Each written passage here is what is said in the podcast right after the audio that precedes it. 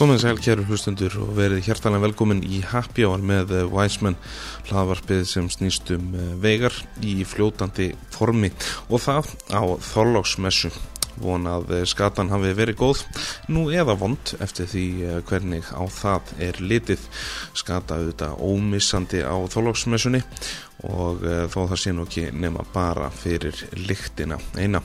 Þátturinn í dag er uh, framhald af síðasta þætti með uh, Jóhanni B. þar sem við ræðum ferðalög, keppnir og svo í lok þáttar er viðtal sem Væsmenn tók við mikinn meistara fyrir í vetur sem nefnist Matt og kemur frá hinnum þekta glasa framleðanda Rídel en Matt held masterclass hér á landi um glös og í kjölfarið var haldinn Rídel barþjónagefni í samstarfi við eh, barþjónaklúp Íslands. En við ætlum því að stökka beint inn þar sem frávar horfið í síðasta þætti. Jóhann, uh, þá erum við komnir aftur. Þá erum við komnir aftur í trendin. Já. Uh, búin að klára þau. Við vorum að tala um trendið síðast. Já. Þa, þá er kannski spurningum að við uh, vindum okkur bara aðeins í keppnir og ferðalög. Herðu já, ég er bara meirinn til í það sko. Það ekki? Búið að vera nokkur, nokkur skemmtileg ferðalög sem við erum búin að vera nógu heppin til að fá að fara í, í gegnum þennan bransa. Nákvæmlega. Hérna, mm, Við ætlum að fara að tala um keppnir Já. að hérna uh, fyrsta Rauninni, fyrsta koktelakefni ég ætla að koma, koma inn hérna, fyrstu koktelakefni sem ég tók þátt í sko, Já, það er svolítið skemmt að segja. að segja þér aðeins frá þessu fyrir sko, en hérna ég held að það sé fyrsta skipti sem að ég hitti þig svona in person sko. Veist, það var bara svona segja hæ skilur ég vissi að það varst á mat og drikk og svona á þessum tíma og hérna þetta var Finlandia Mystery Basket kefnin hérna, 2015 og það var fyrsta koktelkeppni sem ég einhvern veginn tekið þátt í og mér fannst þetta svona aldrei hillandi upp á sko að þú veist, þú, það mæti allir bara jafn óundibúnir í rauninni sko, faktíst Já. og þú veist, þú þarf bara að koma uppskrift á staðnum sko. Og ég hef búin að vera bara þjóna þarna svona professional í, þú veist, þrjá mánuði eða einhvað sko, þú veist, ég byrjaði þarna í mars eða apríl og þetta er í hvað ég held þetta sé í ágúst eða eitthvað þessi keppni, ég manna ekki nákvæmlega en hérna á, á þetta var hérna á, á lavabar sem var hérna strawberries og er núna hérna Icelandic kraft, kraftbar. Hérna og búin að skipta oft um nærbyggsur já, búin að skipta oft um nærbyggsur þessi staður sko, en hérna og þeir hendu í þessa keppni þarna og, sem var ógæðslega skemmtileg og ég hérna var samt svo stressaður sko. Ég, ég var bara, ég, ég nötraði sko inn á beini, ég var svo rættur eitthvað sko alveg fullt af flottu líði þarna og einhver svona og allir einhver tilbúinir í að keppa og svaka kallar einhvað sem við erum búin að sjá svona hér og þar sko hérna sem bara neytandi sko. Já.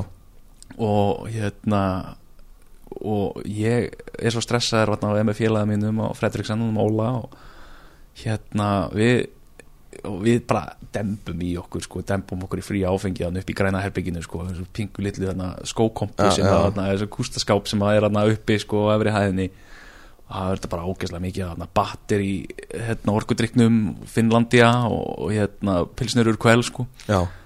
sjátt á Mekka sko. hérna, og ég er þegar er að loksins dreyð okkur niður sko. ég er alveg bara sko, ég er alveg vel sósaður og ég, hérna, það var svolítið nýtt fyrir þér þetta var mjög nýtt fyrir mér og ég lærði mikið af þessari reynslu sko að hérna maður á helst ekki að drekka fyrir maður er búin upp á sviði sko. Já. það er svona það sem ég lærði af þessu. Ungu barþjónar samdóndi takki ykkur það til fyrirmyndar Þið með læra hérna af mér að ég þetta, var orðin svo sósæður átti erfið með að labba niður stegan sko og ég hérna, þurfti að fylla út einhvað forróð með upplýsingum með mig og staðnum og símónummer og bla bla bla bla bla.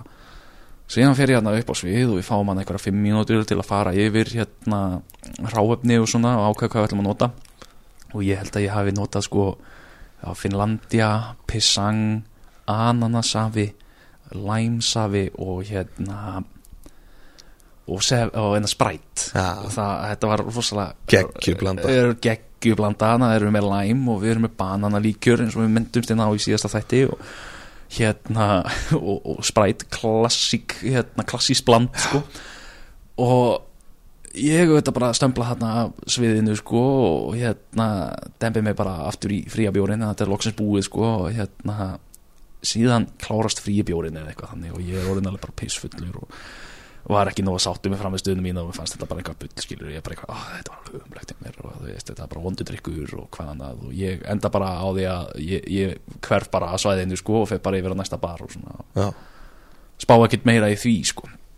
Síðan hérna heyri ég í ég held að veri hann hérna Ómar sem að eh, er með í að sjá um sem að faktist séur um að klippa þessa þætti sem að, sem að þau eru að hlusta á geru hlustendur. Ómar, og klippir þennan þátt sérstaklega vel. Já, það, ég, ég er búin að vera svo mikið að svona, uh, um, uh, það má alveg klippa út einhvern, einhvern part af því sko. Hérna, en ég fæ að vita frá honum sem sagt að hérna, ég hefði unnið þessa kefni Já.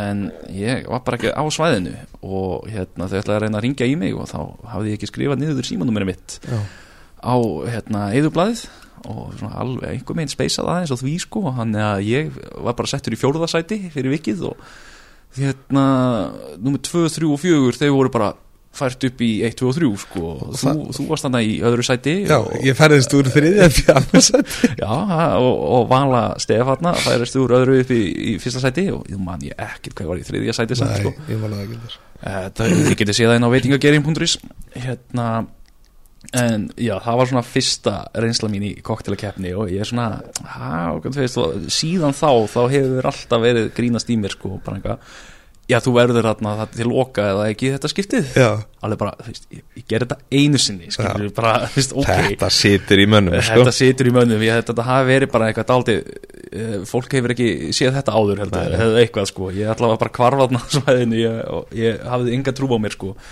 en þið, bara ungu barþjónar sem eru að fara að keppa og svona, hafið bara trú á okkur, Já, Drekkið hóflega? Drekkið hóflega, veist, það er kannski alveg, þú veist, eitt svona upp á að vera sósjál fyrir keppni, já, já, en þú veist, býðið það til þið komin að sviði, já, það er svona, finnst mér eiginlega best að vera svona fyrstu fjórir kannski Ma, það, er, það er þetta svona maður vill aldrei vera síðastur og maður vill aldrei vera fyrstur sko. Nei, þegar allir eru fyrstir þá er allir aðeins og vetru og þegar maður er síðastur þá er allir aðeins alltaf fullir sko. já, já svona, við, við, við erum einhver staðir í miðjunni sko. Ég geti líka tekið ykkur væsmenn algjörlega til fyrirmyndar og Já. drukkið ekki neitt já, það, þegar að það er líka góð regla. er. Þegar keppnin er að drekka ekki neitt sko, það er Það er auðvitað líka góð regla og væsmann er auðvitað mikið fyrir hérna, hóflega og hotladrykju sko. Að me, meira um það en á væsmann.is og Facebook síðu væsmann. Minni á hérna, nei það eru allir hérna, aðvenduleikinir eru búnir. Það er búnir. Já. Núna erum við kominir yfir í, í sko uh, Nú erum við kominir yfir í já, og það, verður bara að fylgjast með á næstu dögum sko. til, til hamingju allir sem að unnu aðvenduleikina og hérna Það og, já, og það er bara það er sem bara einhver eitt sem að vinnur þetta áramóta sko. er það ekki kampavínsverð í, í því að uh, Sko sáleikur heitir uh, Haltu þín segins partí. Já, ok. Og það kemur í ljós hvað það verður í því. Það býð, ég býð mjög ekki? Jú, mjög, mjög spenntur fyrir þessu sko. En hérna á Finnlandi ánóttunum sko við komum aðeins að því hérna á eftir vegna þess að þú hefur tæklað sér tvisvarsinnum unnið Finnlandi kemna Já, uh, við, við komum inn á setni keppnina eftir á, á, eftir En það var einmitt sko Það var auðvitað svona Ég held ég hafi, það var auðvitað sterakeppnin Jim Beam sterakeppnin sem við erum búin að minnast já, á hérna núna nákvæmlega. nokkur sinnum En ég var, ég held ég í 17. sæti Nú.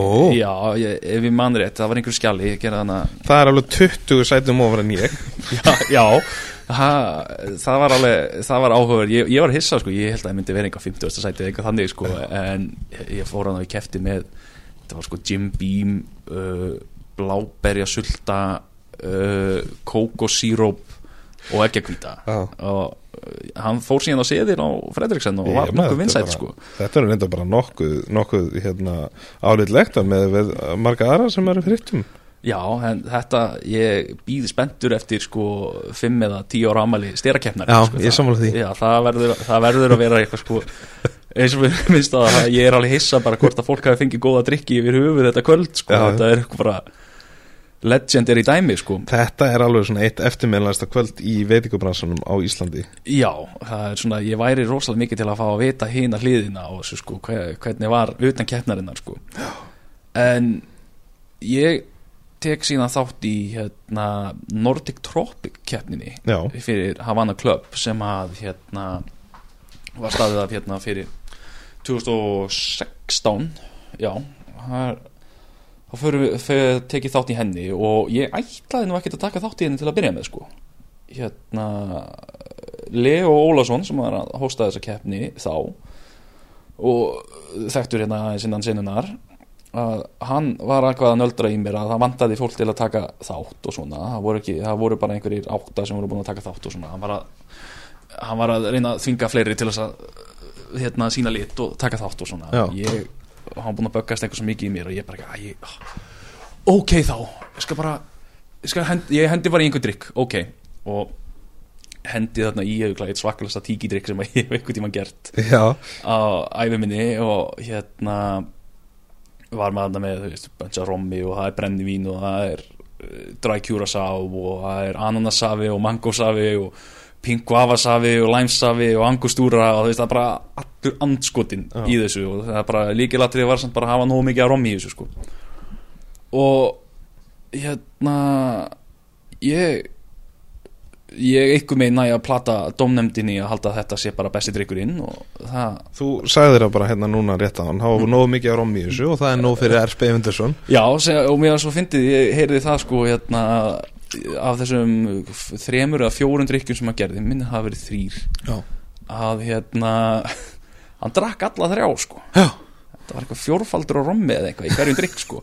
Og hann bara gúffaði þessu í sig sko. Hann glussaði sér sig hann glussaði þessu alveg í sig. En það sá ég það þegar eftir keppni sko þegar hann var að útskýra fyrir mér okkur honum fannst þetta besti drikkurinn sko. Það alveg bara hann var alveg komið vel í glasið sko. Já. hann var ekki að hata það sko. Nei, nei. og ég var bara fekk þann heiður að hérna vinna þessa keppni og margi flottir keppendur á þessu. Jón Mundur meðal annars Já, þú vannst Jónmund þarna. Já, ég ætla, ég mun alltaf stjáta mig á því að ég hafi unnið Jón Mundi í einni keppni þegar hann var að vinna á kopar. Já, og hérna, já, Teitur var líka í þessu, hann Já, gerði þarna rom ísinn, rom sorbet sem Já, var geggjaður og síðan Leo Snæfeld, hann var hann með tetrikinn sinn hérna alveg rétt, já, Já, Þarna var Leo Snæfell svo mikið baby. Já, það er mjög að segja það Já, það er alveg ótrúlegt að sjá þrónina á manninum sko bara og hérna, þetta var alveg nokkrir skemmtileg drikkir það, við mann ekki hvað hann heitir, það var eitt sem að gerði tíkidrykk hérna,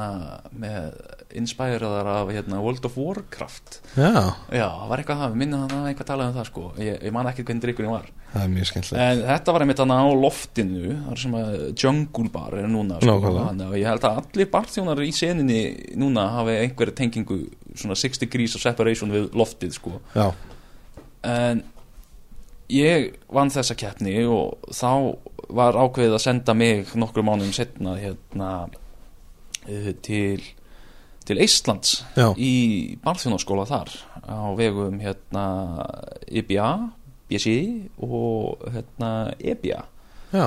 Þannig að Estonian Bartender Association International Bartender Association og Bartenderklubur Íslands stóðu það baka það og Globus ekki- jú, Globus, þeir eru með ávannaklubin ég, ég, man- ég man þetta aldrei sko. Hérna ég, eh, og maður, ef ég hefði rétt fyrir mér eða rangt fyrir mér, þá klippir þetta bara út. Hérna, Það er ekkert klift. Nei, ég hef tekið eftir því. Það þarf að borga hún svo mikið fyrir það ef hann vill gera það sérstaklega. Já, nákvæmlega. Hérna, En þau sendið manna út og það var algjört algjört fíasko út af fyrir sig sko. Nú að það Já, það er hérna ég fæ þarna flugmiðana í hendunar einhverjum tveimu vikum áður en ég að fara út og þá er þetta sko, ég flýg til Finnlands og síðan flýg ég frá Finnlandi til Íslands og síðan alveg eins tilbaka. Og hérna ég fæ flugmiðana og þá er sagt flugmið, flugmiðin til Finnlands var á nafninu sko Mrs. Jóhann Börkur uh, Birgisson Það er frábært sem er bara mjög flott og það er dálítið þema í því að hérna, nafni mitt er alltaf með við hversu auðvelt nafni ég er með þá er það eiginlega alltaf mjög, ekki alltaf, mjög oft skrifa vittlust sko Já. upp á það er að oft er það Jóhansson eða Jónsson eða veist, Jóhann Börkur eða veist, hvað annað sko. Já, en síðan var sko flugmiðin frá Finnlandi til Íslands á bara einhverju allt öðru nafni sko. Bara, þú veist, það var einhvað Mr. Jóhann Ársæll Stefánsson eða eitthvað, skilur bara ég, bara ég skil ekki hvernig þetta fór í svona mikið fokk sko. Ok. Og hérna, ég er eitthvað að tala við hérna á barðunarklubnum og eitthvað að reyna að láta breyta þessu og ég hef annað samband við Æslandir og, og Finnir og svona og ég fæ svarið frá Æslandir að bara svona, ok, þú veist, þetta er bara þú veist, já, þú veist, þetta skiptir ekki alveg mestu máli hérna til að fljúa til Finnlands en allavega, þú þarft ekki að spá í þessu okkar megin. Mhm. og ég fekk aldrei svar frá Finnir en ég flýg þannig til Íslands og ákveð bara, ég stekk bara upp í leigubíl og tek bara leigubílinn bara hálfa, hálfa leiði gegnum Helsingi og tek ferjuna síðan frá hérna Finnlandi til Íslands Já, sem er alveg bara geggjað að fara í ferjuna sko, ég elska, ég elska ferjur, ég hata að fljúa sko, já, umulegt að fljúa bara versti hlutur sem ég geri.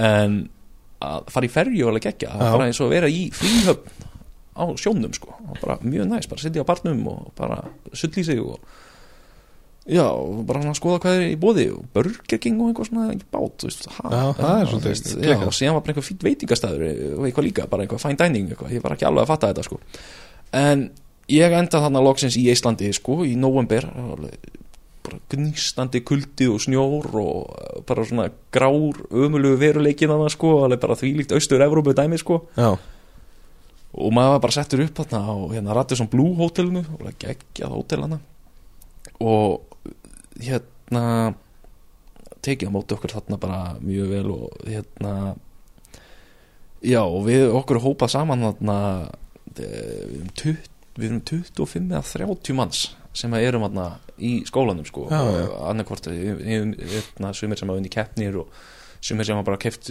bara borgað sig inn í þetta og hvað annað sko. Mhm.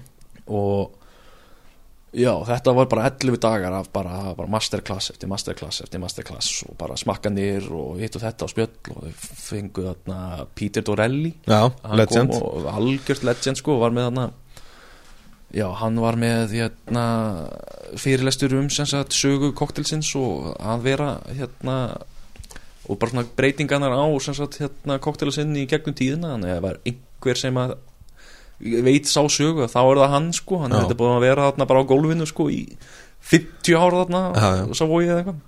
Og það fullt af flottu liði sem við fengum hann til að koma og tala við okkur. En uh, mér finnst það ógslag skemmtilegt hvernig þetta var skipt niður sko að bara í sem sagt opnunarhófinu og þá þurfti allir að draga sem sagt miða úr hatti og þannig var þessu öllu skipt niður í sko hópa. Já, skipt já. niður í einhverja sex hópa eða eitthvað slíkt sko og hérna eftir hvern dag þá var sem sagt happy hour sem að þurfti að sjá um sko. Það var bara, nú er bara skóladagurinn búinn nú ætlum við öll að hittast hérna, við höfum núna klukkutíma til að fara upp á hótel, gera okkur til og við ætlum að fá okkur eitthvað að borða eitthvað þannig og svona gúfa okkur í, í okkur og síðan hittust við á þessu hérna hóteli eða þessum bar eða þessu spilavíti eða hvað annað sko Mm.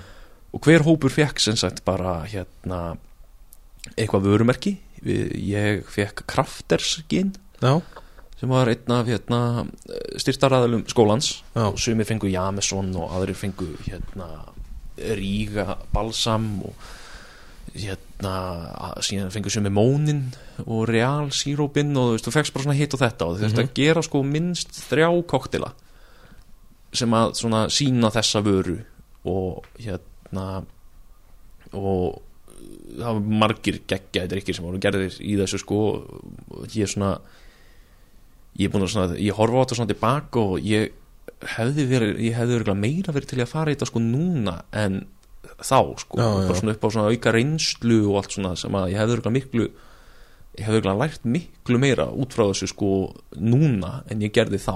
Já, og það var þetta sko það var óáfeng koktelakeppni sem var hana í hérna enda eins dagsins sem að ég vissi ekki af sko. Það var, var sendt í einhverju e-maili sem var búið að grafast þannig niður hjá mér þarna, það væri sem sagt já, ég man ekki hvað þetta er einhver sótafatsframleðandi sem Mm. hann var með sem sagt hérna fyrirlestur um sem sagt bara vatn og sótavatn og klaka og hvað annað sko.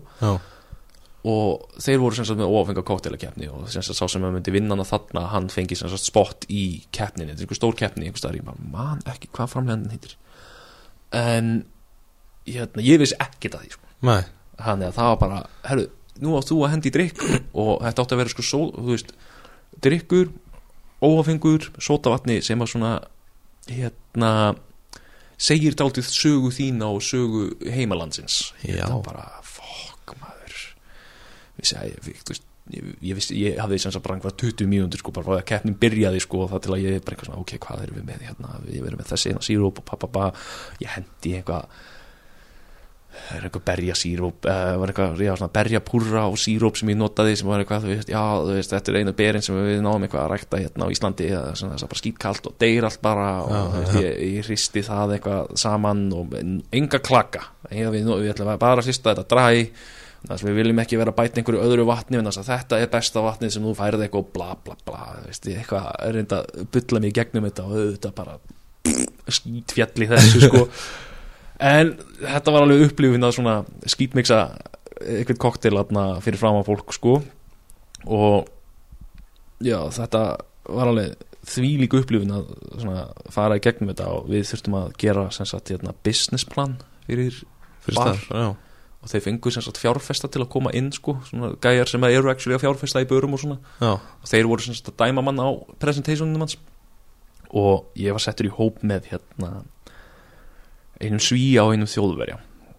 Og svíin var auðvitað, hann var bara að trýta þetta sem partí sko, veist, þetta, þetta var bara partíferð sko, Já, já. margir sem að trýta þetta þannig sko. Og fullir 11 daga í röð sko, ég alveg bara, jésus sko. Ég, ég hef ekki getað þetta sko. Nei, og þýski gæinn hann bara tók algjörlega yfir þetta og uh, ég skildi bara ekki orða því sem maðurinn var að reyna að segja sko, hann bara hann talaði alltaf ennsku sko og hérna var eitthvað að reyna að útskýra allt fyrir mér á þýsku og ég skil ekki bofs í þýsku sko þannig að þetta var bara svona communication error sko, dauðans bara frá Já. A til Ö og þeir alveg, þú veist, hann kom með einhverja skelvilega hugmyndabar og eitthvað ég bara sagði mig út úr þessu bara eitthvað, ok, þú bara tekur völdin sko og þessi fjárfestar alveg horfða á okkur bara eitthvað strákar, hvað djöfullin eru það að gera. Bara, þetta er bara eitthvað bull sko, bara drullið ykkur út sko, þetta er bara eins og að vera í Shark Tank og kom bara með lélega hugmynd. Bara svona augljóslega lélega hugmynd og ég var alveg bara upp á sviði bara eitthvað, jésús krist hvað er það að tala um sko. og en, þetta var alveg upplifin að þú veist að fara í gegnum svona, þú þurftir að gera eins og svona hlutir og svona prógram og Mhm. allt þetta sko, og við fengum bara einhvern sólarhing til þess að koma með svona plan sko, business plan frá A til Ö og vera þá komið með alla útrekninga og sko innkaupakostnað, launakostnað uh, golfplan og svona, þetta Mhm. var alveg fáralegt sko að fara í gegnum þetta þá en núna er alveg bara er það megar, megar sens ég er með alla glósuna fyrir þessu núna og alveg bara svona þegar maður vill fara að spá í að gera stað Mhm. þá er þetta alveg bara gullnáma til þess að hafa sko. Já, já, en já en þetta var alveg geggjað að fara í eina skóla og fórum hann til Finnlands meðal annars, tókum ferjuna yfir og fórum í hérna í uh, nú ég ekki hvað heitir Rattiki, Rattika hérna Finnlandia bottlingplantið sko. Já, sem að ég er búin að fara þangað nokkru sinnum núna koma því aftur og eftir en fórum þarna í og fórum í einn dag í Helsingi og fórum líka þarna til Curio Distillery já, þeir voru með sem sagt svona pop-up fyrir okkur á bar sem heitir Grotesk. Já, sem er geggjaði koktelabar í Helsingi og þar fengum við að blanda okkar eigið gín til dæmis. Fóruðu með sem sagt bara distilletið sko. Mhm, bara grunninn og síðan var það bara eimað með einhverjum einum hlut og við fengum öll að blanda hana saman og síðan var uh, þeir frá distillinu þarna til þess að smakka og dæma og eitthvað svona og gefa punta og hitt og þetta og það var svona gaman að fá að upplifa eins og svona hluti. Mhm. Og sko þessi skóli er á hverju ári í november hverju ári ef ég mann rétt. Já, kostar einhver 300 úrskall eða eitthvað þú veist, að fara í þetta og bara ef einhver hefur áhuga þá bara hygglust mæli ég með að fara í þetta sko. Já, þetta er alveg þétt program þetta er mjög þétt prógram. Þetta er sko ekkert eitthvað bara þú veist, já við förum hérna bara eitthvað, fáum okkur nokkra drikki og síðan spjöllum við eitthvað lauslega saman. Þetta er bara, hérna eru bara við erum mætt klukkan 8 um morgunin bara, veist, tökum bara bussinn þarna yfir og bara klukkan 8 um morgunin það eru bara komin þarna og þau eru með bara fullan bar og svona, þetta er bara alveg mjög flott þarna, svæði sem þau eru með. Mhm, og síðan er þetta bara til sex á daginn og það er bara fyrirlestrar fyrirlestrar verkefni og ba, ba, ba, ba, ba, þetta er alveg geggja prógram sko. Og ég svona væri til að fara aftur í þetta bara svona til þess að já, bara svona til þess að læra þetta bara upp á nýtt sko, ég myndi já. að rúlla þessu upp núna sko, ég var alveg ennþá dálítið grætn á þessu tíma, bara búin að vera barþjón í einhvað árið eða eitthvað sko, Mhm. þannig að þetta var svona dálítið svona sjokk sko, Já. líka að vera með fólki sem var alveg bara sko búin að vera barþjónar í sko áratugi sko Já. og svona þvílík reynsla og kynntist þarna mm, kynntist hann að tveimur einstaklingum sko sem að hérna eru búin að móta svona daldi mikið barðlunarferil menn síðan þá og það er hérna uh, Laura Sutari frá Helsingi, frá Vasa upprúnlega, hún býr í Helsingi núna og hérna er að sjá um að gera koktela á hérna, Marski barnum á Skandik-hótelinu og síðan hérna Dominik Híger frá Sviss Já. sem er nú eitthvað uh, ég man ekki hvernig þetta Edu Barman á einhverju báránlegu hóteli hérna, í Sviss ok. Hann er einmitt svona, já hann er veist, Cicerón og Somlier og hann er allir þessi pakki og þú veist, bara hann er búin að læra allt sem að, maður veit um koktela, hann bara veit þetta allt, bara viskubrunnur dauðan sko, rosalega svona low key einstaklingur samt sko, er ekkert að bera þessa þannig fyrir sér sko. Já, og hérna og hann er bara eitt fróðasti maður sem að ég vekku tíman hitt í barðunabransanum það er bara alveg fárætt sko, ég þarf að gera mér bara ferði til sviss til að fara að helsa upp á mannin sko. Já, nokkvælega og síðan var það hérna já og það var alveg fullt af flottu liði sem var hana uh, Renars sem er núna á matakjallarunum hann, hann var með mér hann líka sko. Ok, og hérna hann var algjör stemming sko. Hann, voru, hann var mikið í að kenna hérna öllu liðinu sko hérna, eitt sem að ég hef haldið áfram á, með alla sagt, hérna, erlendu kokkana og svona á Eriksson það er alltaf að kenna þeim sko mikilvægasta sem þú þarf að kunna það kemur á íslenskunni, er ein setning blessaður gamli. Eina sem þú þarf að kunna sko. Það þarf að ekki að segja hæ, hann er þannig alltaf bara blessaður gamli. Já, hann var bara komið þannig í lokin á, á tíunda degi, það var alltaf bara þegar við vorum út að reykja eða eitthvað þannig það var allir bara blessaða gamli, blessaða gamli. Alltaf svona heils og hvort öðru. Mér fannst það, það, það var alveg iljandi um hjartarætur sko, að heyra það sko. Já, en við síðan sko hérna á 11. degi þá er hent bara í galadin er, og þá er útskrift sko. Það var skriflegt próf þarna eh, fyrir um daginn sem var að þetta bara, ég var alveg hissa hversu stressar ég var að fara í eitt skriflegt próf sko. Bara, þess að við fengum sem sagt hérna bara risa möppu já, sem bara kennslubókin og það bara, áttum að læra allt þetta.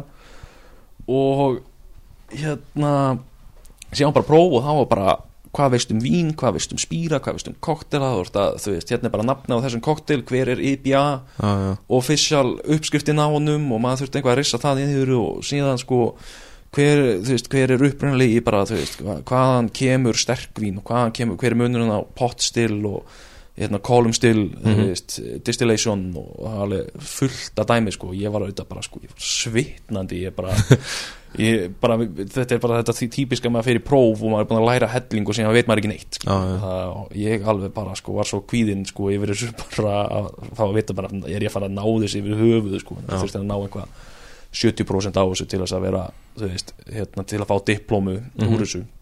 Og það voru alveg þó nokkri sem að fjallu sko. Það kom alveg skemmtilega óvart magnið að fólki sem að fjall aha. Já það voru alveg tíu mann sem að fjallu sko.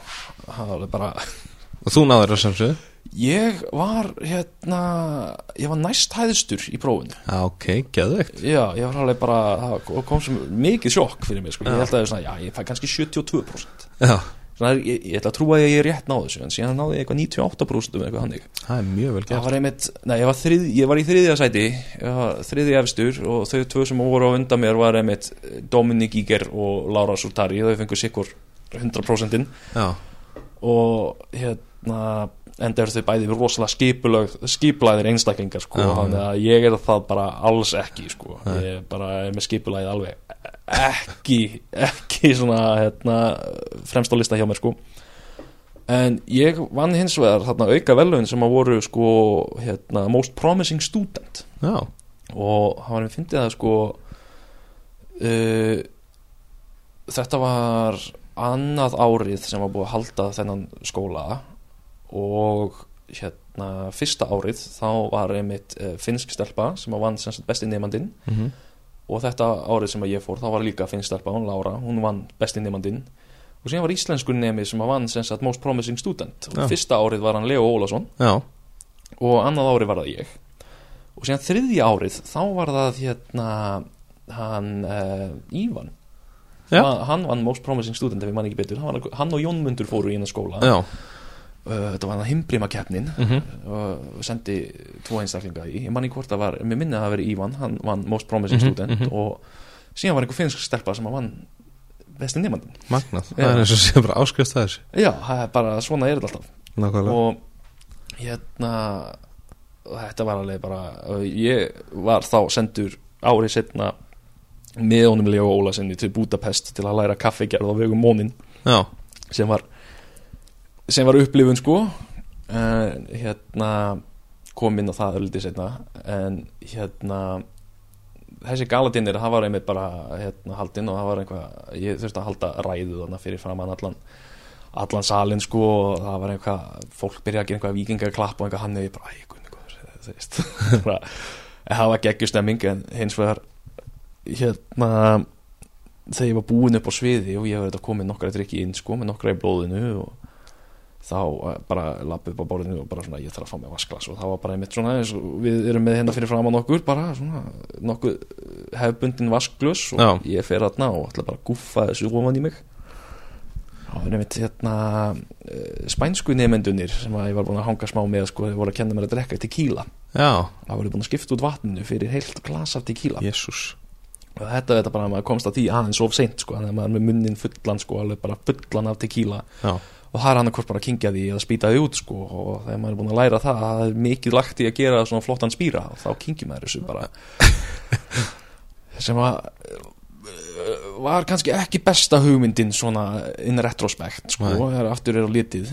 Að ég þurfti að fljúa sko, heim bara fjórum tímum eftir þetta sko bara, veist, bara rétt eftir galadinnerinn sko, þá þurfti ég að bara fara að koma heim sko. Já, og við okkur var hrúað öllum hérna upp í hérna upp í limósíu og eitthvað svona. Það var opin bar í limósínu, þetta er eitthvað þvílíkt þvílíkt elegant dæmi sko, þetta er bara uh, fáraleg stemming sko. Og okay. diskokúla og ljós og DJ og all, allur pakkin sko. Ég, bara, ég skil ekki hvernig þetta tróða þessu öll inn í bíl sko. Og hérna já, ég, okkur bara skuttlega upp á hótel til að skila öllum svona diplómum og eitthvað þannig og þau voru bara að fara aftur á djammið sko. Ég bara, ég kemst ekki á djammið, ég þarf að fara að mæta upp á flugull eftir tvo tíma sko. Að ég bara fer fyrir styrtu, tek saman allt drasli mitt næ alveg góðum hálftíma svefni og síðan bara rík ég aftur út á hérna, flugvöll. Og það er komin hann um miðjanóttina út á flugvöll og ég er ennþá bara vel í glasi sko. Ég fer bara inn í self-check-innið og bara stimpla inn í hérna númeri mitt og þá bara ekkert flug á þessu númeri. Já, ég bara ha?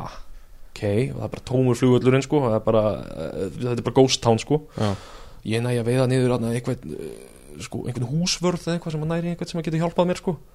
Þá bara eitthvað, já þetta, býtu, ha, og ég útskýri fyrir þeim að veist, þetta var á vitluðs nafni, þannig ég tók bara ferjuna yfir og svona vildi ekki taka sensinn og nú þarf ég að fara að fljúa aftur heim og hún bara, já, þú mættir ekki fyrir að flugið.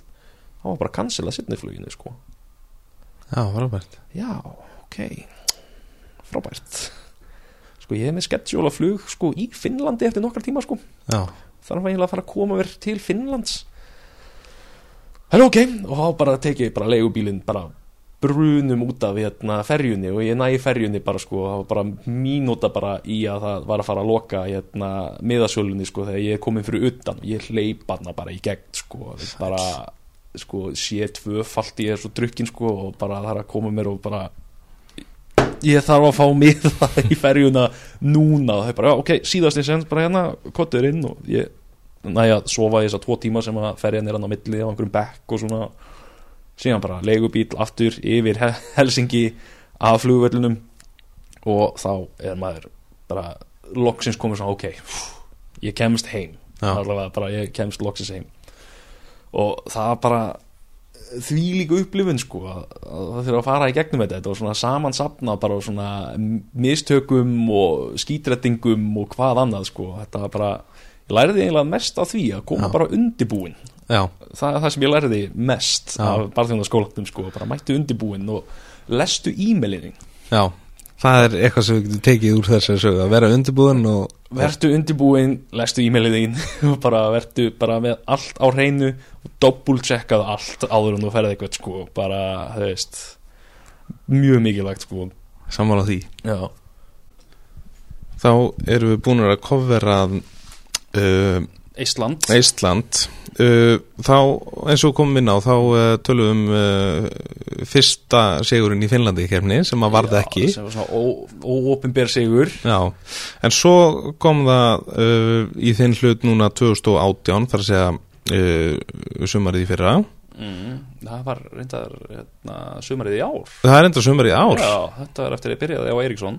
Já, að þá tók ég þátt í setni Finnlandia koktelakefninu minni og það var sumarkoktel Finnlandia Nákvæmlega. 2019 þetta var að 2019 þegar Já.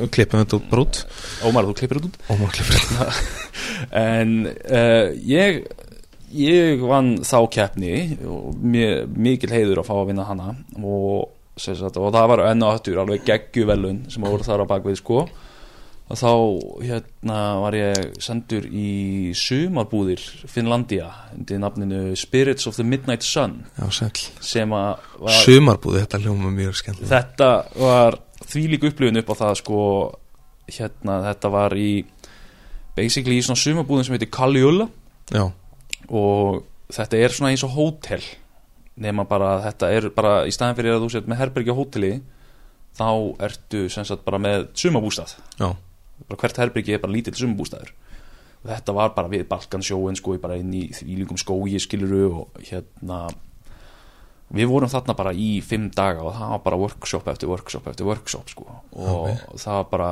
vöru kynning og svona við hérna já við mættum þarna nokkuð við vorum þarna eitthvað 20 saman um, frá ýmsum svona ýmsum stöðum í miðausturlöndum eða ekki miðausturlöndum hérna Austur-Evrópu og hér og þar sko og ég var mjög sátt með að fá að vera fyrst í Íslandingunum til að vera í þessu verkefni. Þetta var held ég þriði árið í röð sem þeir eru búin að vera með þetta hérna workshop. Já, og það var hérna, hvað heitir hann hérna, Tom Sikali hérna, Merlin of Berlin hann kom hérna með fyrirlestur um hérna, infusions og þá fengum við að smakka sem sagt hérna basil vodka á einhverja tíu vegur. Reyndar allt borið fram sem sem sagt hérna svona hlaupabángsar ok.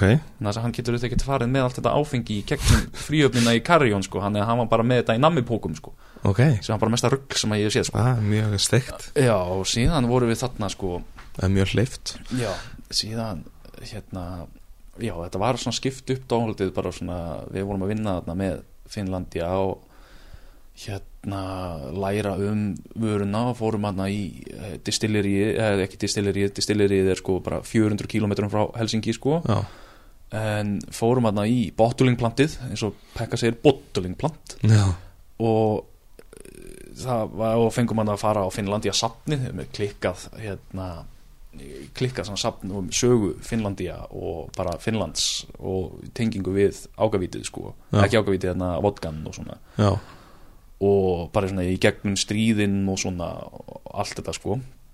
Og hann hérna þetta var sko Pekka Pellinen og Marku Rattinen sem er sem sagt hérna master taster hjá Finnlandia. Já, þeir voru svona að kenna okkur hvernig á að smakka vodka og svona og það er, finnst mér skemmtilegustu svona svona þegar þú ert að smakka og þarf að rýna í spýra mhm, að gera það með vodka finnst mér geggjað sko. þannig að það er svo mikið svona þú veist, hvernig bragðar einhvað sem að er, þegar það er sem best er það hlutlust, já, já, þú veist, ekkert bragða því hvernig, veist hvað átt að gera og þarna við með sko fullta barþjónum sem eru allir bara vita því líka hluti og síðan eru þeir að þefa glösum og vita ekkert hverju þeir að vera að leita sko. Og þú veist þegar maður er auðvitað að smakka vodka og maður leita að öllu öðru en bragðinu sko. hvernig er áferð, lykt er einhvað þarna skilur já, já, sem er ógeðslega skemmtilegt og, en stór partur af þessu var sem sagt hérna uh, infusions. Var svona stór partur af því sem við vorum að gera hana úti. Mhm, og þá þurftum við að sem sagt hérna vorum auðvitað bara umgrín skóginum og hérna kom hann einn uh, ein kokkur, stjörnukokkur hann út í Finnlandi sem ég bara nafnið algjörlega dottið út um mér. Já, og við fórum, hann fór bara með okkur í skógin og bara við fórum að týndum fullt að drasli sem hann eldaði síðan fyrir okkur í einhver áttarétta máltíð. Já. Hérna, fyrir okkur um kvöldið bara allt sem við týndum út í skóginum fyrir um daginn sko, það var geggja dæmi sko. og við tókum síðan líka það sem við týndum úr skóginum og áttum að gera sem sagt vodka infusion úr því já, sem að ég var að fá í henduna bara um daginn. Já. Ég man ekkert hvað ég gerði. Hvað er þetta að segja? Já, þetta kemur í einhverjum þvílíkum pakka sko. Já. Hérna erum við með sko Finn Fusion og Já. Sko, ég ætla að taka þetta hérna. Herðu, þú verður að taka hérna Þetta er einhver þýlík pakning sko. Hefur þetta hérna í. Þetta er vídeo hérna fyrir grammið Þannig að við erum með einhver þýlíkan pakka sem að þeir sendu á mig Ok, og fekk loksins skilað hérna inn.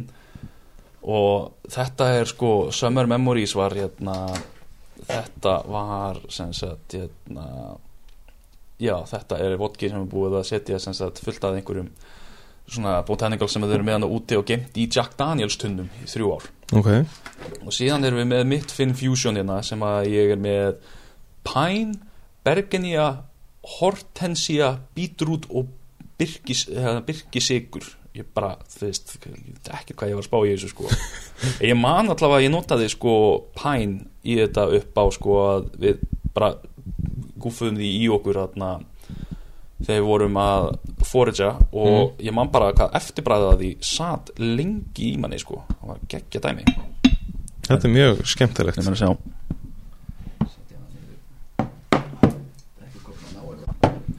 Já, við erum allavega búin að hella hérna einhverjum nokkrum drópum að þessu. Nú veit ég ekkert hvernig þetta kemur út. Nei, Og það, þetta er náttúrulega svona á litin svolítið bara eins og konjak eða, viskið eða eitthvað. Það lítur að vera örugglega bara að blanda af sem sagt rótnunum og hérna og rauðrófunni sem ég með í þessu. Þetta er svolítið svona eins og að drekka tré. Mm. Þetta vorum við hann í skóginum í náttúrunni. Já, þetta er alveg skemmtilegt. Já, þetta er mjög skemmtilegt. Hendi martini út úr þessu Dýrasti martini sem hún farið örgla Já, ég held að þetta sé skemmtilegt aukabræð í koktel, kannski ekki endilega sem uh, undirstöðu spýra. Nei, að þetta er klálega skemmtilegt svona, já, ef maður vill, vill gera einhvern svona skóar uh, Mhm. drikk, emitt hvernig sem hann væri nú mm. Já, þetta er virkilega, virkilega Það áhugavert. er að lesa restina af þessum pakka. Þetta kemur einhverju þvílíku dæmi en sko, ég held að ég myndi bara fá flösku senda í brefapoka eða eitthvað sko. Já, þetta var alveg tekja á, á vídeo af, af þessum part inn á uh, Instagram síðu væsmenn mm. En já, við erum þarna í í Kallióla og sem sagt síðan í endan þá þurftum við sem sagt okkur að skipta aftur niður í teimi Já, og þá þurftum við að koma með sagt hérna, pitch að nýri vöru í Finnlandia línunni já, og fengum alveg góðar 40 mínútur til að koma með full-fledged hugmynd og pitch og allt fyrir markaðstelt Finnlandia Já. sem var þetta bara mjög stressandi dæmi sko. og hérna síðan þurftum við líka að gera hérna svona hérna útgáfu af bitter fyrir þá ok. Við vorum með fullt af Finnlandia vodki bara sagt hérna infjúsaður með fullt af einhverju draslingur og rótum og hín og Mhm. þessu sko. Og þurftum að setja saman í bitter og sá sem að myndi hópurinn sem kemur með besta bitterinn að hann væri settur í flöskur og dreift út á BCB sem var gert í ár. Og hann allir þeir sem að stoppuð við á Finnlandia básnum fengu hérna svona gjafaösku með. Er núna á Berlin barkomandi það? já núna síðast sko. Já, ok. Já, þegar ég er með eina flösku af Það eru sem sagt Þessir hérna Midnight Sun Drops heitir það Ok. Hægri ári. Og það er einmitt bara svona þessi hópur sem að setur það saman. Já, og mjög skemmtilegt að hérna fá að smakka þetta og svona þetta er endar frá því í fyrra. Mhm. Þetta var svona í gjafaöskunni sem við fengum þegar við mættum. En ég veit ekki hvernig hann var í ár sko, þannig að ef að einhver, einhver hlustandi hefur fengið þetta í hendunar endilega, endilega láta okkur vita. Já, heldur betur. Já, en síðan þetta hana bara í lokina þá þurftum við að vera með sem sagt hérna pop-up á hérna Ljöli sem er svona hérna bara við sjóin í Helsingi Já, og aldrei hef ég séð jafn mikið að máfum á neinum stað ekki einu svona fyrir utan Amstæðum það, veist, það var auðvitað bara það var bara einhverju nokkri sko. ég Já. hefum að tala um sko tugi að máfum sem að voru alveg bara að herja á annan stað sko. Já, ok já, það var einmitt svona, þetta er, þetta er líka veitingastæður sko. Já, mjög góðu veitingastæður líka. En það er bara svona skilti ef þú ætlar að borða fyrir utan á pallinum hjá þeim sko já, að þá bara, ekki gefa mánum bara eat at your own risk þannig að mávanir eru sko, þeim er alveg sama um þig sko. Aha. þannig að að við vorum hann ég sá manni sko, hann var með sko einhver steik eða eitthvað þannig og var að borða hana. Síðan kemur bara máfur, hann er bara í að skera bita og þá kemur bara máfur og bara bah, í diskin hjá honum, steikina í burtu. Hvað er þetta að segja? Já, það er bara Þetta er bara svona máva mafía. Já, þetta eru sko bara rándýr bara sko, orðsins fylstu merkingu sko. Það hef bara ráðast á þig sko. Veist, ef að þú ert eitthvað ekki að passa þig nógu mikið sko. Já, og við þurfum að vera með pop-up á þessum stað sko. Já, og hérna, hann var fengið einhverja tónlistamenn og aflega eitthvað tónlega nokkur hundur mann sem mættu þannig á þetta sko. Við vorum þannig að fengum sagt, hver hópur fekk sagt bara svona þema. Já, og við fengum, fengum þemað ís. Og hendum þarna í rauninni bara í típu af drikknum sem að ég vann hérna sumakoktelakefnina með. Mhm. notum hann og gerðum síðan líka töku á frosnum Negroni sem að hérna, hérna Grebroski mhm, og hérna sem að Finnlandi að nota stundum svona í, í markasefni hjá sér, gerðum frosna útgáfu á honum og fekk alveg bara rosalega góða viðtökur á þessu sko, Já. alveg margir ógeðislega flotti drikkir sem að var verið að henda í hana einhverjir fengur sko náttúru og það var að þeir gerðu alveg allan fjandan með þetta sko, þú hefur verið að elska þetta að sjá, Mhm. sjá þetta en þess að þeir, voru- klálega þeir voru komnir í einhver þvílík vísindi þarna sko, Já. og fengu hann Tom Sikali til þess að hjálpa sér með eitthvað að gera einhver svona snögg infusions og hitt og þetta sko, það Ok. var geggja dæmi sko. Já. Og sko talandi um þindrykk þá ætlum við að uh, þá er uh, uppskrift á honum inn á væsmann.is Já, það er hérna Grapefruit og Tonic Já, sem er rosalega er búin að vera alveg rosalega vinsætt núna á Eiríksson síðan að hérna, ég vann þessa keppni. Við settum hann auðvitað bara strax á seðil og er bara auðveld blanda Finnlandia Grapefruit uh, vodka sem er auðvitað bara með betri svona bræðvodkum sem þú finnur Mhm. bara á markanum núna. Og bara Grapefruit sírópi uppskriftin á því verður bara fylgjandi með sko og mhm, hérna Grapefruit bitterum frá Bittermens og bara toppa upp með tónik bara mjög auðvelt sko Mhm. og bara sumar í glasi sko. Já, ég er búin að smakka hennar drykk og hann er bara virkilega góður. Já, takk fyrir það. Uh, Þetta er bara, þú veist, stundu þar ekkert að flækja hlutina. Nei, þú veist og þetta ó, mér finnst það eins og með biturleikin í tónik og svona finnst mér alveg rosalega sumarlegur sko. Mm -hmm. Það er að það einmitt mjög vandmetið sko það er margir svona, þetta er kannski ég nota sótavatn eða eitthvað þannig sko. Ég mælu með þú veist, ef þið eru að vinna í drikkjum sem eru að nota mikið sótavatn í að prófa að setja tónik í staðinn sko, það er alveg að gefa miklu meiri svona fyllingu og svona Mhm. meira presence í drikkin sko. Nákvæmlega.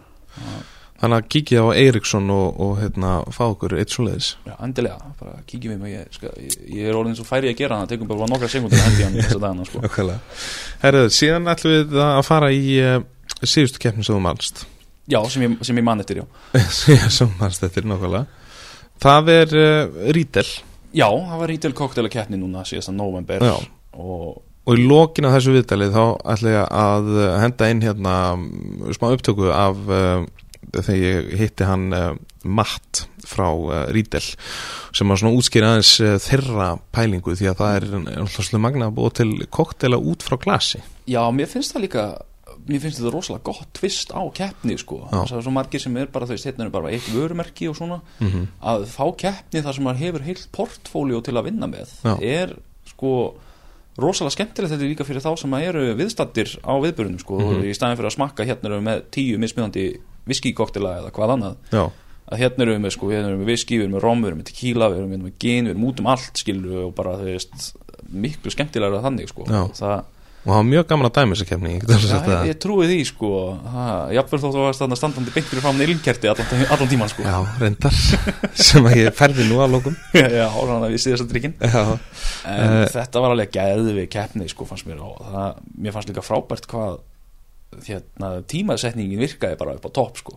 Fekk hann að blaðið fyrst og það fyrst upp á svið sko 19.02 eða eitthvað svona dæmi. Já, fær 5 mínútur, þannig að þú veist 19.07 þá varstu búin að preppa og síðan færðu þannig eitthvað aukað þarna skilur og, og að það hafa bara gengið. Mhm. mæti svo ofta svona keppnir og það fer allt í fjandans dregst um einhvern hálftíma, klukkutíma þarna á góðum degi sko. Já, talandi um sko sjátt á, á Jim Beam styrrakefna, ég skil ekki ennþá akkur hún er bara ekki ennþá í gangi? Nákvæmlega sko. Bara, bara, þetta er bara keppni sem er bara allan ársins ring en, en þetta, já, ég var mjög ánægð með þessa keppni og, og hérna, bara, ég er um sjátt á, á hérna á uh, Barðin og klúb Íslands og, og þetta bara Rolf já, Að- Fjónsen og, og kompani hérna- sko. koma með, með þessa keppni. Uppröðan var þetta náttúrulega bara var pælingin að hafa masterclass? Já, og það var nú masterclass. Og það var náttúrulega masterclass. Ég mista honum því miður. En síðan var náttúrulega að, að upp frá því var bara bara geggju keppni. Já, klálega sko Mér, Ég væri til í að sjá miklu meira að þessu þar sem að sko hérna, uh, byrgjar eru með bara þú færð að leika með bara portfóljó Mhm. bara svona portfóljókeppni ég finnst mér alveg mjög svona sniðu hugmyndi hvort það væri þá bara þú veist eins og Pernod Ricard keppni bara að fara að nota allt dæmi þeirra á svona. Mm Vörglassin og svo sem gott dæmi um World, þetta. world class er mjög gott dæmi það, mjög, það er alveg svona world class er ennþá, ég þóri ekki ennþá í world class sko. Er bara ég, ég, ég, er, ég er ekki ennþá komin á það level svona persónulega finnst mér sko, veist, ég, ég vill ekki vera bara svona að demba mér í þetta bara til þess að taka þátt sko. Mhm. Ég þarf eiginlega svona, ég er búin að komast að því að ég þarf að hafa svona trú á dryknum sem ég er að keppa með sko. Ég keppi bara til þess að keppa þá kemur það ekki sérstaklega vel út um mér sko. En Þetta, ég- þú hendir þér í vörglass á næsta ári Ég er búin að ákvæða það Já, ég skal gera, gera heiðalega til um. En hérna, svo náttúrulega veljun ekki að verri endanum heldur Nei. Eh, Ferð til Sardinu í heimsók til hins magna framleiðanda Silvíó Karta og, geggjuferð sko og það er nú gaman að upplýsa því um, uh, hér að uh, væsmenn fyrir með þér í þá ferð. Það er gætið minn, við verðum sko með, sko, það verður þryggja tölu bongo hjá okkur, sko, við verðum með, sko, neft bara á, neft frá skýrtuna niður á, sko, nafla og verðum bara sullandi í limoncello í sólinni, sko, þetta verður geggja dæmi, sko. Já, þetta verður geðvögt ég, ég er ansbúin að skoða hann að framleiða þetta Mhm. og þetta er mjög mikið skemmtilegt hana. Já, já, þetta, ég er einmitt búin að vera með limoncello þeirra á barnum hjá mér sem go to limoncello þetta er bara fáralega gott, sko, fáralega vörur sem við með. Fekk hérna lakrýslíkjörinn þeirra líka hérna í keppninni og Já. þetta er bara algjört namið, sko. hann er náttúrulega bara geggja og fáralegt þessi lakris líka frá Sardinu sko. Já, ég veit, ég, ég er bara hissað að það sé ekki meiri lakrís líkjörar bara veist, bara hérna á Íslandi, veist, það er bara tópas og ópal og það er svona, það er á einhverju gráusvæði finnst þér, sko. Já, já, sammála Mm. uh, sko uh, það er til dæmis það er mjög svona stórt portfóljó Já, hjá þeim. Þeir eru að gera allan anskota, Já. þeir eru að gera gin og... Uh, giniu og biogin Já, við, biogin, ég skal segja þér datt strax geggja kombo í hug þar. Já. svo alltaf mjög skemmtilegt hérna nafn og, og eflust mjög fallið saga á bakvið það. Pældi hvað eru cool að gera eitthvað með sko hérna blóminu rauðsmára og bíó, gin þá er hann komið með smára bíó ég hugsaði bara að gera bara bíógin og bíómjólk eitthvað saman Já, já, og, hey, já, en smára bíó, það Já, smára bíó er alveg, ég held að þetta er alveg, er alveg solid drikkur sko Þetta er hittari. Já, þetta, er algjör hittari bara fáanlegur á næsta pop-upi hjá Væsmann sko. já. já, ég er pælið að gera bíó pop-up eitthvað, Já. og kannski bara halda í smára bíó, ég veit það ekki Já, þú veist, þeir eru bara í smára bíó Já, sko, já. ef að það verður einhver svona hérna, nei, það væri geggjað að gera þetta í bíóparadís að þeir sína myndina kokteil. Já, að vera með sem sagt hérna, pop-up fyrir já, það. já, já. Par, já, það, það er alveg hægt. Bíó er endalust hægt að leika sig með sko, Já, það er fullt sem er bíó. Uh, Sko, já, og svo náttúrulega, þú veist Limoncello eins og nefnir uh, Vermút, ertu búin að skoða vermút hann eitthvað? Ég er búinn að skoða og ég er ekki búinn að smakka er, ég er alltaf búinn að sjá einhvað tala um það á netinu og það Mhm. er alltaf verið að vera að fá mjög góða viðtökur sko. Já, þannig að svo margir búin að vera bara fastir í dólinn eða antikaformúlinu sko. Að ég, ég þarf að panta nokkar flöskur af þessu og hérna, tjekka á þessu tjekka hvað gerist sko. Það held ég nú. Uh, þetta verður allavega mjög skemmtilegt og við munum að sjálfsögðu fjalla vel um þessa ferð. Já, fylgist með okkur á Instagram live og svona, Já. Instagram stories og þetta verður bara Stories og værismenn.is, þetta var út um allt. Sko. því líkt, því líkt gummilaði sko. Já, gott að vísir napar þess ekki upp líka. Sko. Já, veitingagerin klassist Já, sko. það er náttúrulega klassist. Sko. Já, já. Herðu, nú uh, líður að jólum. Það er að fara að detta það í jól sko. Hvað hérna, uh, hvernig er verða jólin hjá þér? Jólinn hjá mér ég, ég ætla bara að vera heima með kærusinu og gera hambúrgarsík og drekka gott vín og Já. bara svona Það var náttúrulega. Já, í vinninni verður þetta bara allt brjálega að gera það er bókað við erum þorláksmessu við erum með hérna við erum með skötuvislu Já. sem að verður einhvað Mm þetta verður eitthvað sko ég, ég hef ekki ennþá gert mér það að rekja skötu mér til munns Nei, ég á eitthvað erfitt með það þegar að sko, sko matur getur litið mjög ítla út og verið svona bræðgóður en ég á mjög erfitt með að kaupa það matur sem að lyktar mm ítla bræðist vel.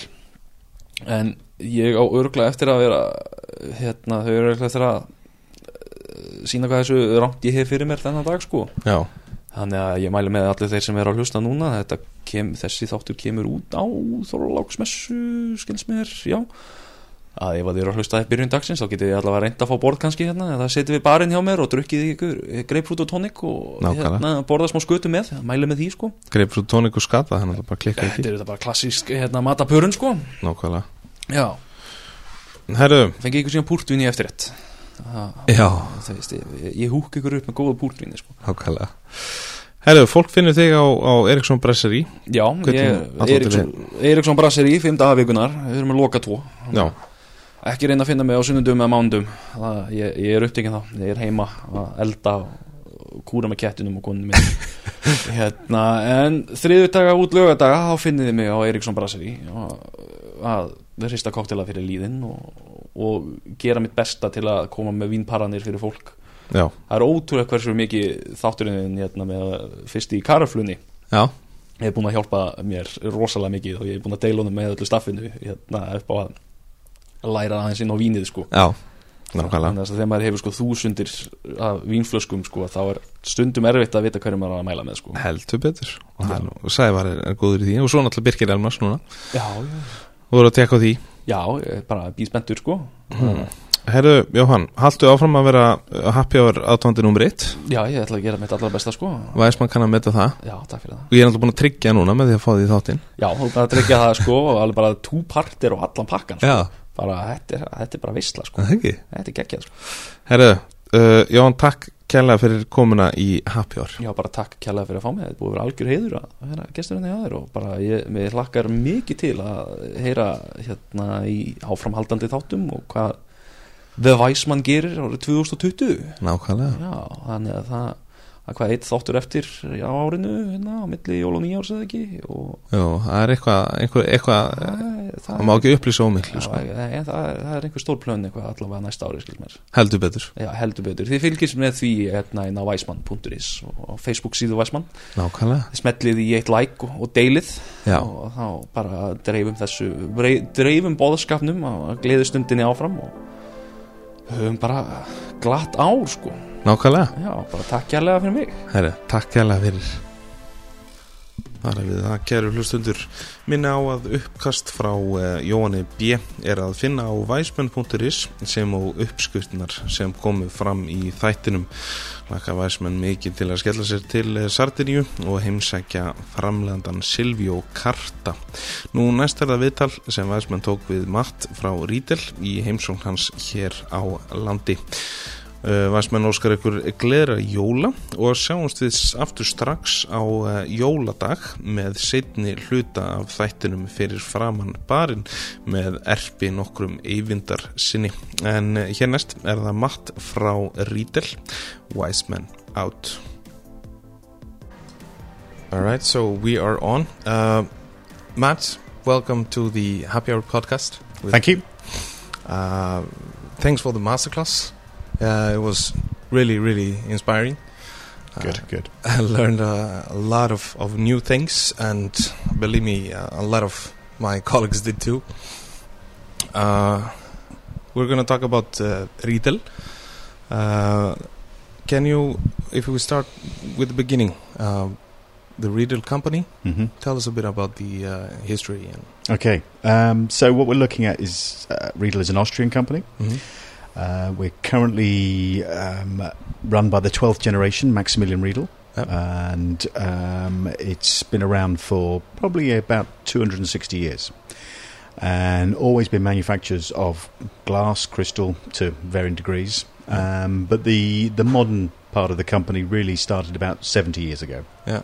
And and that's when the company started producing uh, wine glasses. Mhm. And Riedel were the original company to twofold, really. One to develop the what we call the egg-shaped glass, which Yeah. is the modern wine glass. And and two uh, were the first company to start looking at grape varietal specific glasses, uh, and the two elements there go hand in hand because what the egg-shaped glass uh, allows us to do, it allows us to control um, and capture first of all the aromas that Mhm. are within that particular wine, that grape variety, and then secondly also in terms of uh, on the taste, on the palate, uh, the egg-shaped glass, the different shapes uh, allows us to present the liquid to hit different parts of the palate, Mhm. and that way we pick up different flavours that we want to from that grape variety, or we suppress other elements that we don't necessarily want the palate to pick up. And that gives us then uh, the the best taste, the best flavour for that particular grape variety for that wine. And uh, and so that's what Riedel started, as I say, about probably about 70 years ago, Mm-hmm. uh, and really um, since then I've been producing uh, various glasses, various shapes, various ranges um, over the last uh, 70 years to become probably the world-renowned experts in producing uh, grape varietal-specific glasses Mhm. uh, for both the Harika uh, and also for the retail market as well. Yeah. So uh, first and foremost, uh, we're going to talk about, of course, the the uh, range of of um, wine glasses that are uh, available. Um, let's. Uh, you mentioned on the masterclass that um, you were the first to to um, design glassware speci- uh, specified for for a type of grape. Yeah. Yeah. Yeah.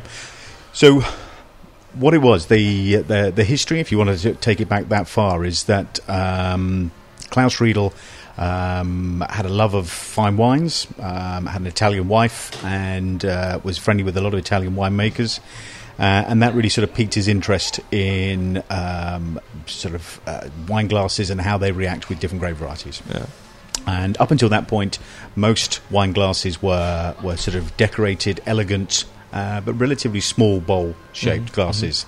And, and working with a number of uh, Italian wine producers, um, he started developing uh, an idea that the shape um, could influence how much of the aroma and the taste of each sort of grape variety that you, you uh, sort of brought out. Mhm. And um, it was in 1959 that the first grape variety specific glass was uh, was ever produced and released, and that was one of our from our hand blown range for the uh, the sort of uh, Burgundy Grand Cru uh, Mhm. glass shape. And that really carried on for the next 20, 30 years. But it wasn't really until George Riedel sort of um, joined the business, and in the uh, the mid 1980s, um, as technology had moved on, and we were able to start producing machine blown glasses Mhm. uh, of the quality and the shapes we wanted. Uh, then in the mid 1980s, he produced a range called Venom, uh, which really sort of took Riedel to another level altogether because by having machine blown glasses, uh, obviously the price was greatly reduced, Mhm. and we were able to produce uh, a much wider uh, range of uh, of shapes and sizes as well for uh, for the retail and Harika market. And um, it was uh, George Riedel's uh, friendship um, with Robert Mondavi Mm. uh, that also helped to kickstart that as well. Okay. And uh, um, George and Robert were at a dinner together, and up until that point, Robert Mondavi had really had no interest in, in glassware or the, the idea that shape made a difference. And it was at this dinner that Robert Mondavi tasted some of his own wines in different Riedel glasses, and actually stood up during the dinner and announced to everybody that Riedel glasses were the, the, the next big thing, and George Riedel was a genius.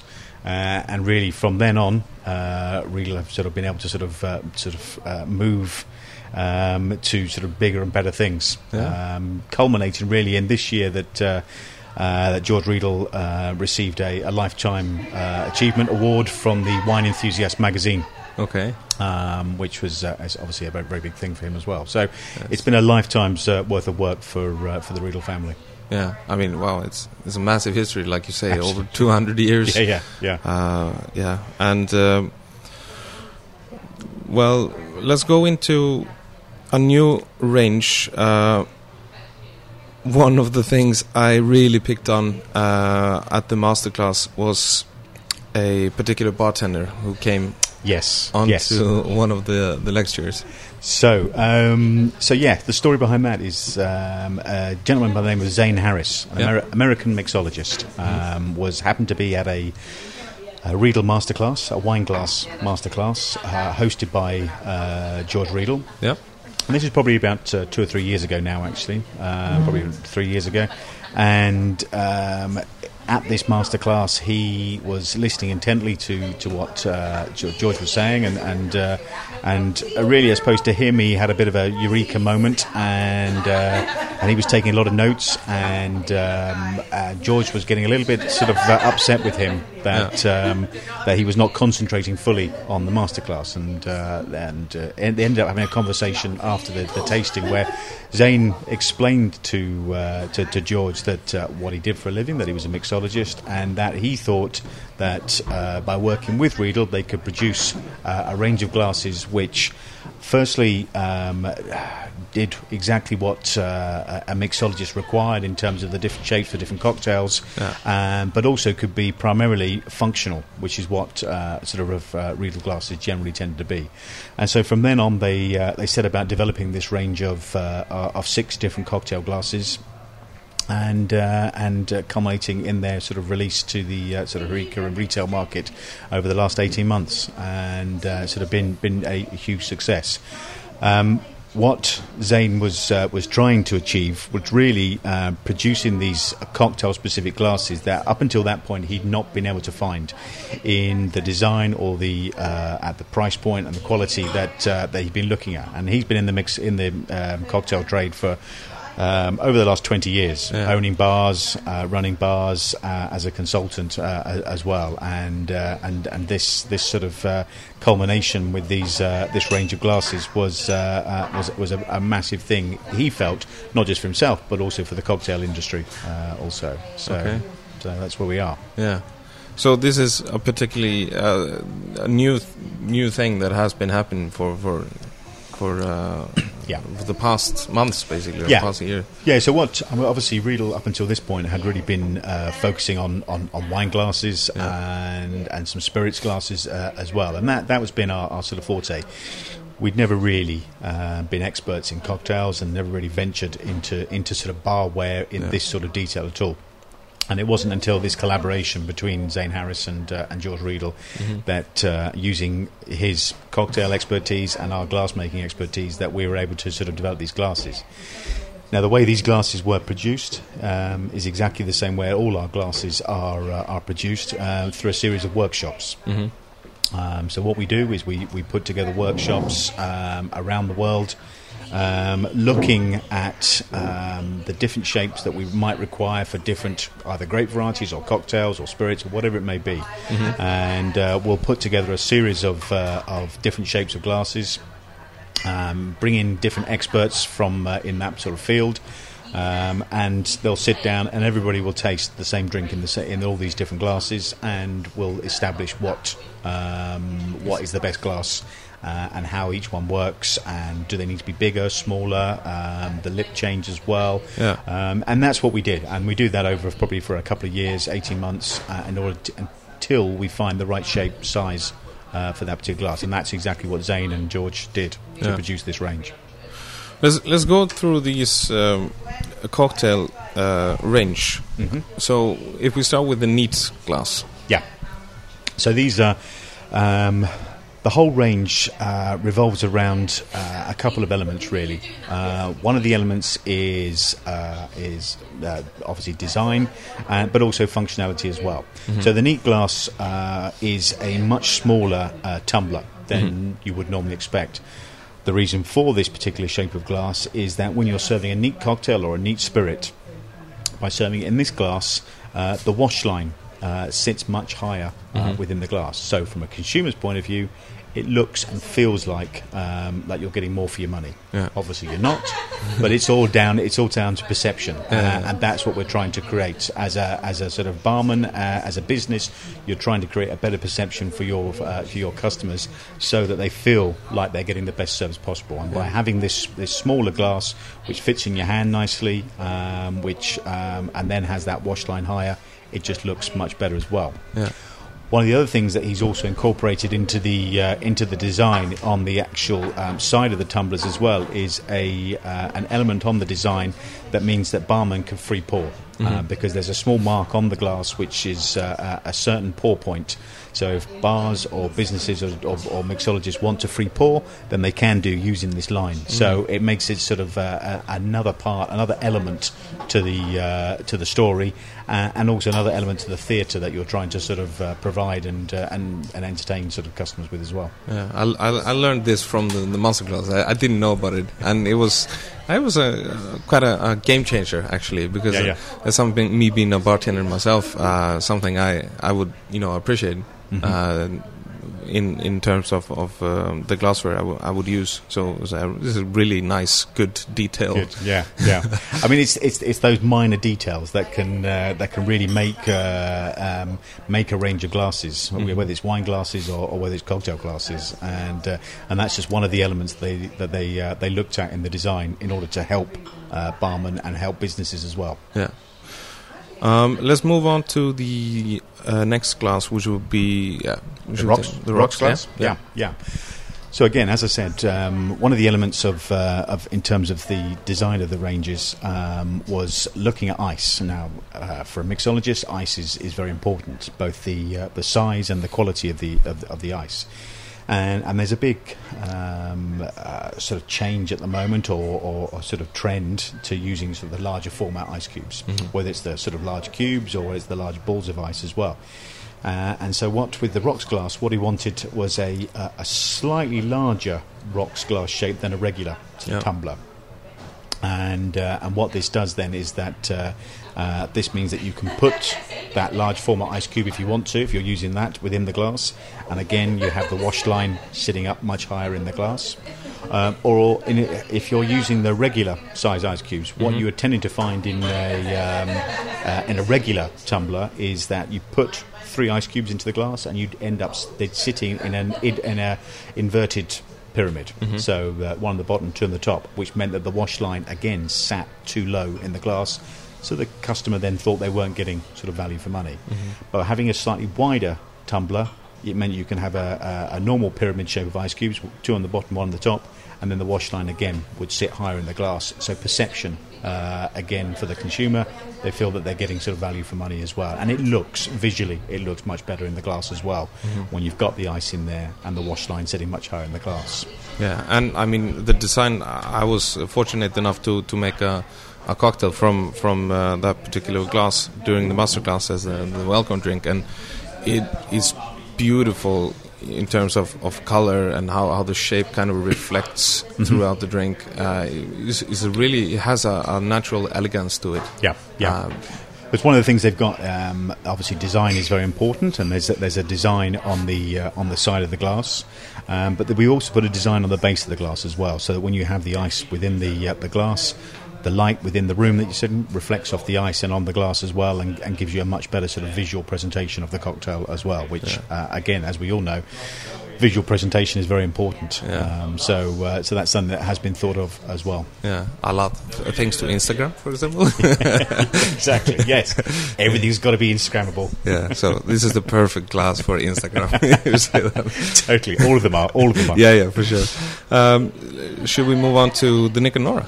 Yeah, absolutely. Yeah, the Nick and Nora. Um, yeah, this has got a, a- a really nice story behind it as well. Um, so the the name Nick and Nora came from a, a, a film, uh, 1930s sort of old black and white film called The Thin Man. Yeah.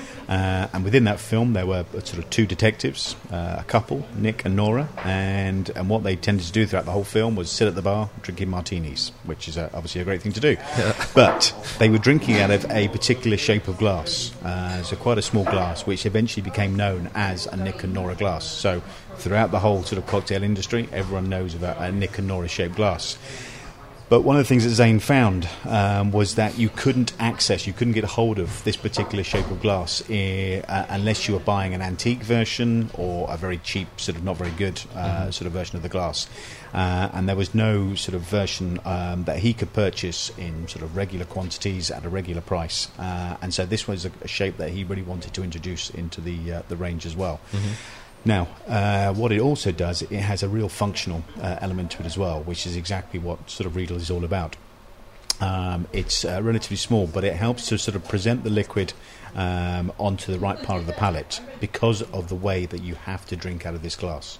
As with a lot of Riedel glasses, um, the shape determines how far you push uh, your head back as well, Yeah. and so then where the liquid is presented onto the palate. Now, with something like a martini, there's a lot of alcohol in there, and we don't necessarily want to pick up too much of the alcohol. We want to pick up the nice other flavours there as well. So, by presenting the liquid onto the mid palate, what that does is it doesn't you don't pick up too much alcohol and you get the nice flavors from the uh, the martini cocktail uh, as well. And and that was a very important element for uh, for Zane when designing this particular shape of glass. So it's a slight different shape from the uh, the traditional Nick and Nora but it does exactly what it's designed to do in, in terms of presenting the liquid the martini into the right part, part of the palate as well. Yeah. A beautiful looking glass. absolutely and uh, elegant as, Yeah.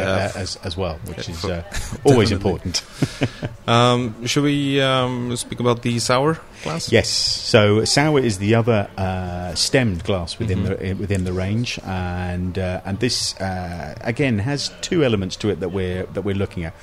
One, it has a, a large clear uh, bowl uh, on the uh, on the glass, which when you're producing certain types of cocktails, allows you to show the, the visual layer element of those uh, of those cocktails.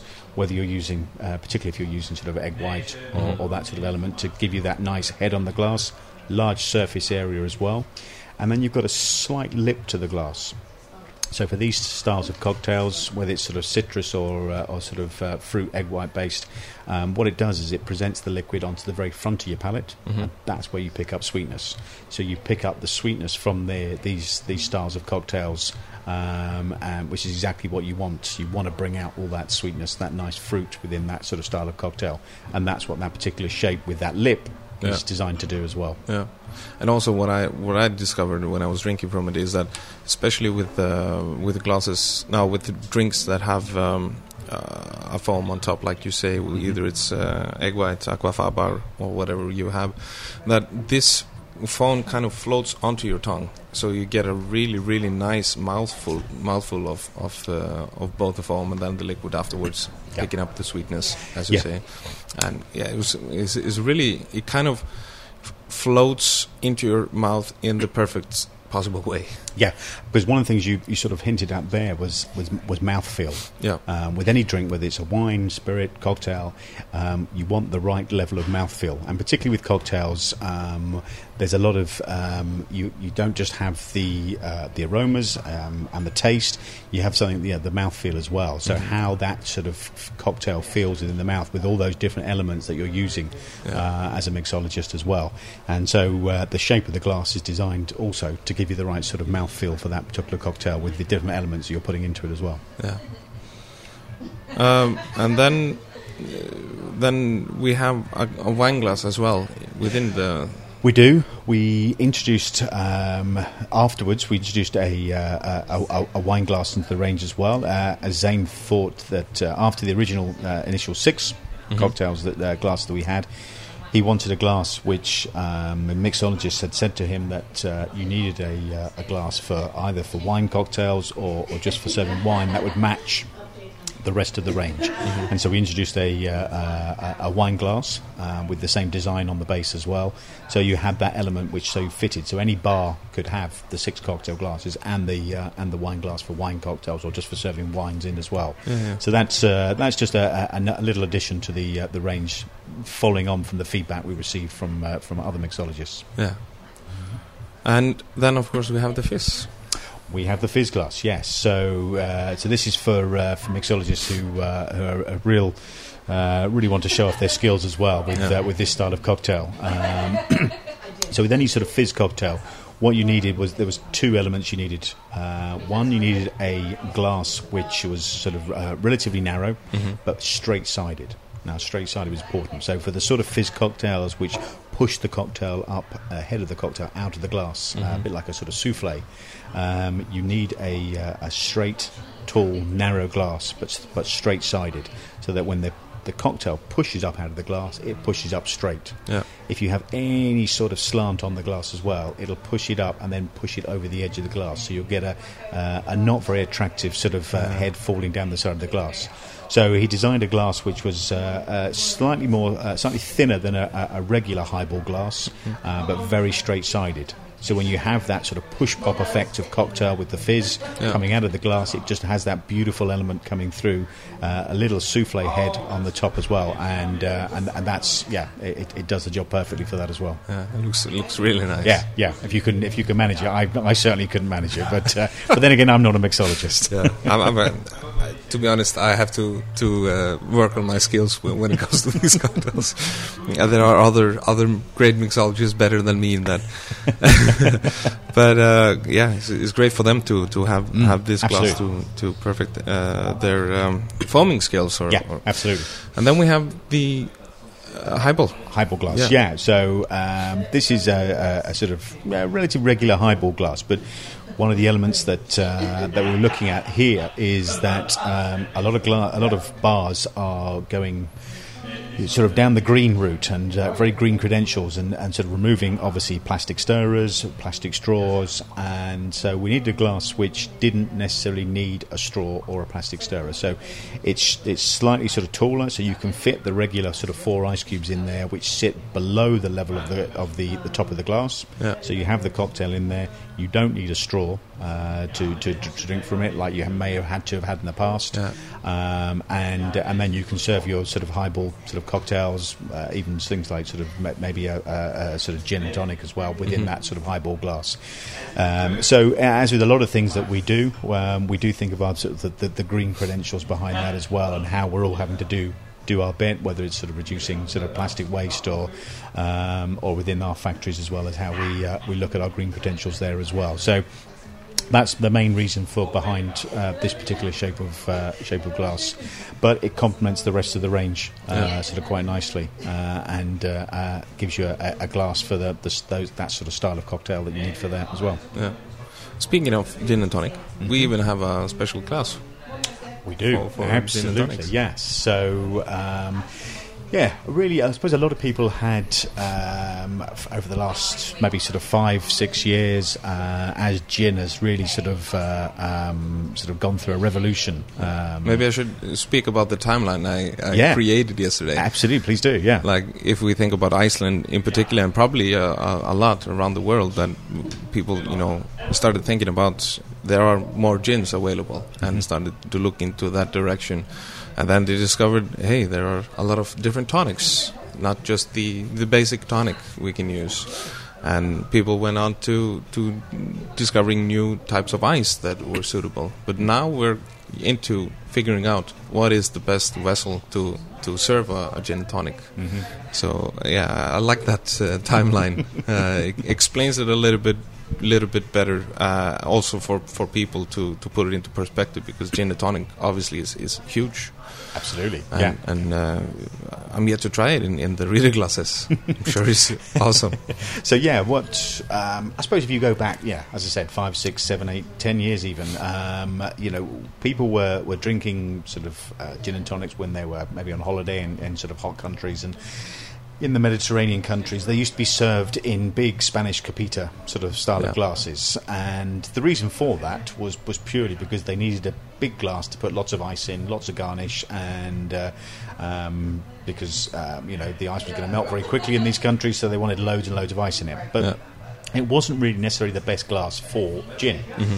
Um, so again, we set about doing a number of uh, sort of workshops, and uh, and I, I did a, uh, a few workshops with Sipsmith Gin, um, mm-hmm. looking at. Uh, we tested a number of different shapes uh, of glasses um, with the uh, with the gin makers there, and and we discovered that probably our best the best shape of glass for uh, a gin or gin and tonic um, was our um, New World Pinot Noir glass, mm. and so subsequently we've launched that as a uh, as, as a gin glass as well. Mm. Um, and um, if you if you ever go over to um, to uh, Austria, to mm-hmm. where our head office is in, uh, in Kufstein, uh, there is a gin bar within Kufstein which uh, holds the Guinness World Record for the most number of gins they have uh, within the bar. Okay. And within that, they use this glass exclusively for uh, gin and tonic. And it was working with them that we established that, yeah, this is definitely the right glass. And ever since we've launched it, it's just been absolutely huge, and yeah. uh, it really does help to bring out the uh, uh, the botanicals from the different gins, uh, both on the uh, on the nose and on the palate as well. So it's uh, it's yeah, it's been a really important and a good fun glass to to use as well. Yeah, I really like the approach you guys have been doing, like talking to the right people, bartenders, people who are using uh, the spirits and, and would be presenting the the um, drinks in, in the glasses and, and using them to get their feedback and, and working with them towards making a perfect glass for, for each drink. Yeah. It's really really cool. It's yeah, it's really important because particularly in the uh, in the in the on trade in the Harika market, um, what we're all looking to achieve is is to to add a bit of uh, firstly a bit of theatre to uh, to to customers to when they come into a restaurant or bar, um, but also so when it comes to to, to drinks uh, and to, to drinking different wines, spirits or cocktails. We want them to enjoy that drink in the best possible way, and um, and by having the right shape of glass is, is really just giving the, the customer the tool to enjoy that particular cocktail or that glass of wine as well Yeah. to the best of its uh, uh, its ability as well. Yeah. You know, you wouldn't serve a, a, a glass of wine or a cocktail necessarily in a, in a, in a mug. Um, you want it in a nice glass so it looks visually, it looks good. Yeah. Um, it can then smell good and then taste good as well. And, and that's what we're looking to do with uh, with, with our ranges of, of glasses and cocktail glasses. We are very functional in uh, in what we do as well. Yeah, yeah, it's, it's really really awesome, and uh, like I said, really eye opening uh, for for for me to to um, sit the the masterclass and and speak about this, Good. uh, which was uh, obviously the point of it. it? Absolutely, yeah. It's what we, we aim to do. I mean, uh, don't even get me started on talking about decanters and de- decanting as well. That's another another Yeah. element altogether. We will save that for Save another day. yeah, uh, Matt. But in general, it's uh, you've been come to Iceland sometime. It's uh, uh, so a couple of times, haven't you? Yeah, been over here a few times now. Uh, I look after the uh, uh, the Scandinavian market, and obviously including Iceland now in that as well. Uh, and what we're looking to do really is just to um, just to sort of um, showcase what Reader's all about um, to to consumers and to the trade as well. So uh, so I've been over here a few times, and, and certainly look look forward to coming over here many times uh, more in the future as well. Uh, classic question. How how do you like Iceland? It's it's lovely. It's Yeah. a bit like home. Isn't it? Wet, grey, cold. I'm glad you appreciate it. I do. I really appreciate it. It's a beautiful country, and I've I've been lucky enough to see uh, see bits of it already, uh, and I, I certainly want to see a lot more while I, when I can as well. Awesome. Matt, thanks for taking the time to uh, come to the show. Show and uh, yeah, we will. Hopefully, I will have a chance to to visit uh, sometime. Absolutely, Uh, and uh, yeah, thanks. Thank you so much. my absolute pleasure. Thanks very much. Thank you.